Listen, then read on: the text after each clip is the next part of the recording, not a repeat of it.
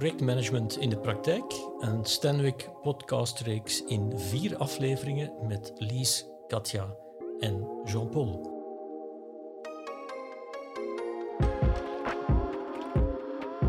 Welkom in deze tweede aflevering, waar we het belang van een sterk en evenwichtig projectteam zullen benadrukken. Dus Katja, een project doe je zeker niet alleen. Dat doe je samen met teamleden. Wat wil je erover kwijt? Laten we misschien starten met um, een vaak gehoorde frustratie van projectleiders.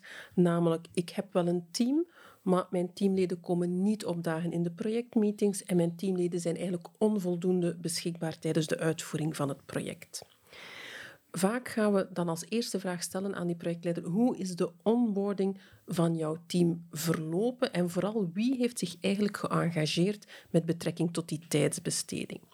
En een projectleider vertelt dan vaak dat hij of zij degene is die aan het teamlid of zelfs aan de functioneel manager moeten inschatten heeft van zoveel tijd gaat men op het project spenderen. En wij draaien dat graag om. Wij adviseren eigenlijk dat een projectleider, aangezien hij geen expert is in de materie, dat hij eigenlijk naar de functioneel manager gaat en een overzicht geeft van wat is mijn project, wat zijn de deliverables van dat project, en dat op basis daarvan de functioneel manager op basis van zijn of haar expertise kan gaan inschatten Goh, dan denk ik dat je zoveel tijd van ons departement nodig hebt om mee te helpen aan die deliverables. En dan kunnen ze op zoek gaan naar, oké, wie in mijn afdeling is enerzijds wat we noemen is capable om dit te gaan doen en het tweede, wie is available. Maar het allerbelangrijkste erin is dat hij, de projectleider, dat samen doet met die functioneel manager, dat het de functioneel manager is die de inschatting van de tijdsbesteding geeft, want daardoor maakt hij een commitment naar die projectleider toe en dan gaan ze samen op zoek binnen het team, binnen de groep, wie is nu de available en capable persoon om in dit project te gaan meedraaien. Eigenlijk wat ik hoor zeggen is dat je samen met de functionele manager het teamlid, bewuste teamlid, eigenlijk contracteert. Niet alleen contacteert, maar ook een, een, soort van contract maakt. Klopt dat? Absoluut. Zowel met die functionele manager als dan met dat teamlid zelf. Want wij zeggen echt van, wij gaan voor teams die 100% geëngageerd zijn, die eigenlijk een stuk van de stress en van de last van de schouders van de projectleiders afnemen, Doordat ze bijvoorbeeld echt samen mee ehm, de doelstellingen van het project gaan uitklaren. Dat ze samen die tijdslijn van het project maximaal onderschrijven. Dat ze meer risico's gaan bewaken, gaan signaleren. Potentiële scope changes gaan signaleren. Het projectteam is echt ja, het baken van het project, maar is co-verantwoordelijk voor het project samen met de projectleider. Klassieke klantvraag. Hoe groot moet mijn team zijn? Hoeveel mensen zitten nu in mijn team? Zijn het er drie? Zijn het er twaalf? Zijn het er acht? Ja, dat, dat is een heel belangrijke vraag. En er is ook geen super eenduidig antwoord op, maar er goed over nadenken en het echt zien als een evenwichtsoefening is heel belangrijk. Want enerzijds wil je je team natuurlijk niet te groot hebben, want je wil flexibiliteit, je wil snelle besluitvorming en dergelijke. En het moet voor een projectleider ook makkelijk blijven om dat team te managen. Maar ja, anderzijds hebben, hè, staan we wel voor een complex project waar je verschillende expertises nodig hebt en die wil je ook allemaal aan boord hebben. Dus we zeggen, maak daar een goede evenwichtsoefening rond. En als we dan echt verplicht worden om een cijfer erop te plakken, dan zeggen we, goh, meer dan vier, want je wil voldoende kritische massa. En misschien ja, mik rond de acht teamleden, dat is zeer manageable. Maar maak het zeker nooit groter dan tien of twaalf, want dan wordt het echt wel een hele facilitatieoefening, elke meeting opnieuw voor de projectleider. Nu, misschien wat we daar toch ook nog willen meegeven is wie wil je in het projectteam steken? Dat zijn diegenen die echt gaan werken in het project, die werk gaan verzetten. En vaak merken we toch dat men geneigd is om ook besluitvormers, noem het nu even managers, mee in het projectteam te gaan steken, omdat die mee de richting van het project willen beïnvloeden. Nu, ja, volgens ons is dat not done. Volgens ons is dat eigenlijk het signaal dat je een steering committee nodig hebt voor je project, waar je al die besluitvormers mooi samen kan zetten. Een steering committee wordt typisch geleid door de projectsponsor, bepaalt de richting van het project en dan kan je als projectleider met jouw team echt focussen op het project zelf en op vooral het harde werk dat moet verzet worden. Ik zie het zo voor mij. Je had het al over onboarding. eigenlijk gaan we in een project op reis. Gaan we van vertrekpunt A naar, naar eindpunt B. Ik zie voor mij een bus. De projectleider laat zijn teamleden in de bus. We sluiten de deuren en we rijden tot het eindpunt. En we hopen en we rekenen erop mits een goede contractering met de functionele managers, dat al mijn teamleden ook echt wel aan boord blijven van onze projectbus. Dat is absoluut het idee. En gelukkig kan de bus af en toe in zijn bestemming kan wat bijgestuurd worden en dergelijke, maar je probeert dat team inderdaad voor de rit te behouden. Als we het hebben over dat projectteam ontwikkelen, dus samenstellen, um, ontwikkelen, sterker maken, dan doen we in Stanwick heel vaak beroep op die Belbin teamroltheorie? Ook zoiets. Um, soms komt dat een beetje raar over bij klanten, maar ik denk als je nu negen maanden als projectteam, een voorbeeld, intensief gaat samenwerken op een project, dat dan zo complex en uniek is en belangrijk is voor de organisatie, maar negen maanden, dan loont het toch wel de moeite om naar de optimalisatie van de werking van dat team te gaan kijken, want je gaat echt wel negen maanden samenwerken. En Binnen Stenwick hebben we daar verschillende aanpakken voor. Je vermeldde al de teamrollen van Belbin. We gaan bijvoorbeeld frequente leerstops organiseren in een project. We gaan ook het model van Fry gebruiken om teamwerk te installeren in een projectteam. En dan gaan we eigenlijk vooral Belbin gaan gebruiken om die werking te optimaliseren gedurende het project. Maar er zijn nog tig andere tools die we daarvoor kunnen inzetten. Ja, als we het over Belbin hebben, de naam is gevallen, dan refereren we eigenlijk graag naar Dr. Meredith Belbin. Um, nog steeds alive and kicking, zelfs op zijn 97. En Belbin heeft al uh, terug in de jaren, eind jaren 70, begin jaren 80 eigenlijk vastgesteld dat sommige teams uh, veel efficiënter, effectiever zijn, uh, meer resultaten boeken als ze divers zijn samengesteld. En wat Belbin dus zegt is, ja, je kijkt uiteraard naar de verschillende functionaliteiten die je wil uh, binnenhalen in je projectteam, maar elk teamlid brengt ook zichzelf mee. En dat heeft dan eerder te maken met persoonlijkheid, met attitude, met voorkeurgedrag. Dus ga er nooit vanuit dat je enkel kijkt naar functionaliteit, maar kijk zeker ook naar wie je binnenhaalt, hoe die zich gedraagt, wil gedragen, welke toegevoegde waarde dat die persoon wil leveren aan het team. Eigenlijk, als ik dat zo hoor, Jean-Paul, zou je kunnen zeggen, je kan dat model ook gebruiken om je team samen te stellen. Want dan ben ik zeker dat ik zo'n mooie mix heb van die gedragingen. En, en Belbin bevestigt dat ook, dat je dat zou kunnen doen. Alleen weten wij uit ervaring, als je een projectteam samenstelt, ga je eerst kijken van, um, ja, hebben de mensen de juiste competenties en vaak technische competenties om de projectdoelen te bereiken. Tweede moeilijk punt, zijn ze voldoende beschikbaar in de, in de looptijd van het project? En jammer genoeg krijgen we dan niet de keuze om dan nog eens te zeggen, dan gaan we dat, de complementariteit inbouwen. Vaak is het aan de projectleider om die juist te managen als die er onvoldoende zou zijn. Ja, en het eerste selectiecriterium is altijd uiteraard die functionele rol.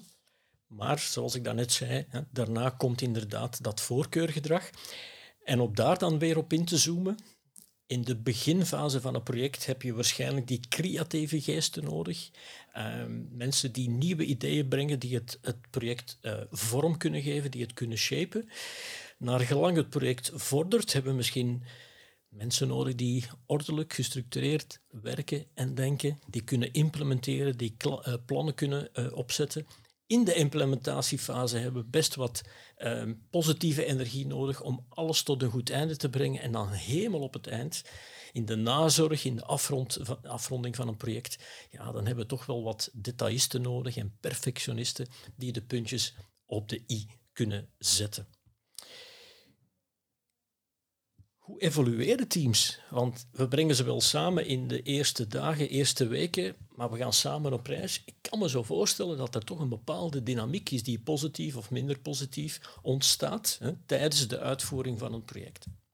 Ja, absoluut. En ik denk dat dat eigenlijk een van de toch wel fundamentele eye-openers was binnen Stenwick. Dat we eigenlijk tot de conclusie kwamen dat de natuurlijke evolutie van een team en dat wordt bijvoorbeeld beschreven door Tuckman met zijn uh, Orming-model, dat dat eigenlijk niet gelijk loopt met een projectlevenscyclus. Want bij de opstart van een project heeft een projectleider eigenlijk graag al een team dat ja, high performing is. Want we gaan tijdslijnen opstellen en je hoopt dat ze die een vraag gaan stellen, dat ze daarmee eigenaarschap van nemen. We gaan risico's in kaart brengen, dus we moeten durven in conflict gaan, durven dingen in vraag stellen. Um, dus eigenlijk wil je echt een team dat elkaar durft challengen, dat, dat durft conflicten aangaan. Je zou willen dat de discussies hoog oplopen, want dat wil zeggen dat ze echt meeduiken in de opstart van het project. Maar als je dan Tuckman zijn model volgt, dan is dat team eigenlijk nog maar in de forming fase. En dat is typisch een fase die gekarakteriseerd wordt door niet vooral conflicten vermijden. Men heeft nog geen teamgevoel, men is nog heel voorzichtig, men tast elkaar echt nog af. Dus eigenlijk is het toch wel belangrijk om te begrijpen dat die twee niet samenlopen en dat men dus eigenlijk moet gaan proberen om de evolutie van een team te gaan versnellen.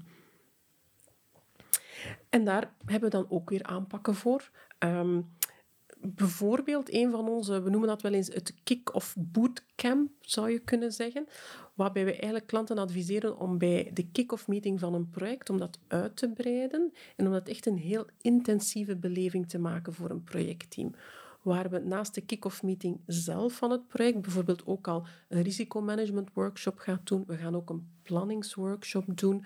Je kan dat organiseren als een, een residentiële tweedaagse, waarbij men dan ook een, nog een leuke teambuilding activiteit kan voorzien.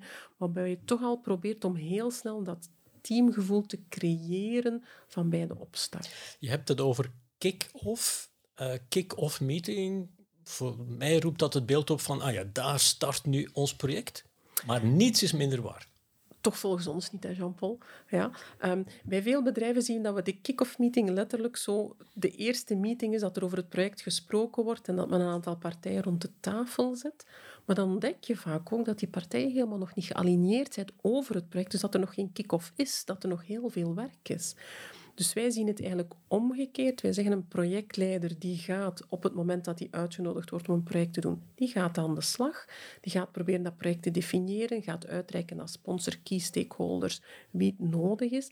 En pas op het moment dat die projectleider het gevoel heeft dat die allemaal op dezelfde golflengte zitten en dat het heel helder is waar dit project naartoe gaat, dan gaat hij of zij de kick-off meeting organiseren. En we zien dat ook echt als een discussiemoment. Dat is niet een informatiemoment. Dat is niet een moment waarop de projectleider heel de tijd aan het praten is. Dat is echt een discussiemoment waar de projectleider zijn of haar visie wel presenteert, maar waarop dat bijvoorbeeld die teamleden mogen meedenken over die doelstelling, waar key stakeholders mogen meedenken, zodanig dat men aan het einde van die kick-off meeting zo echt het gevoel heeft, ja, allemaal samen, hier gaan we voor, dit onderschrijven we.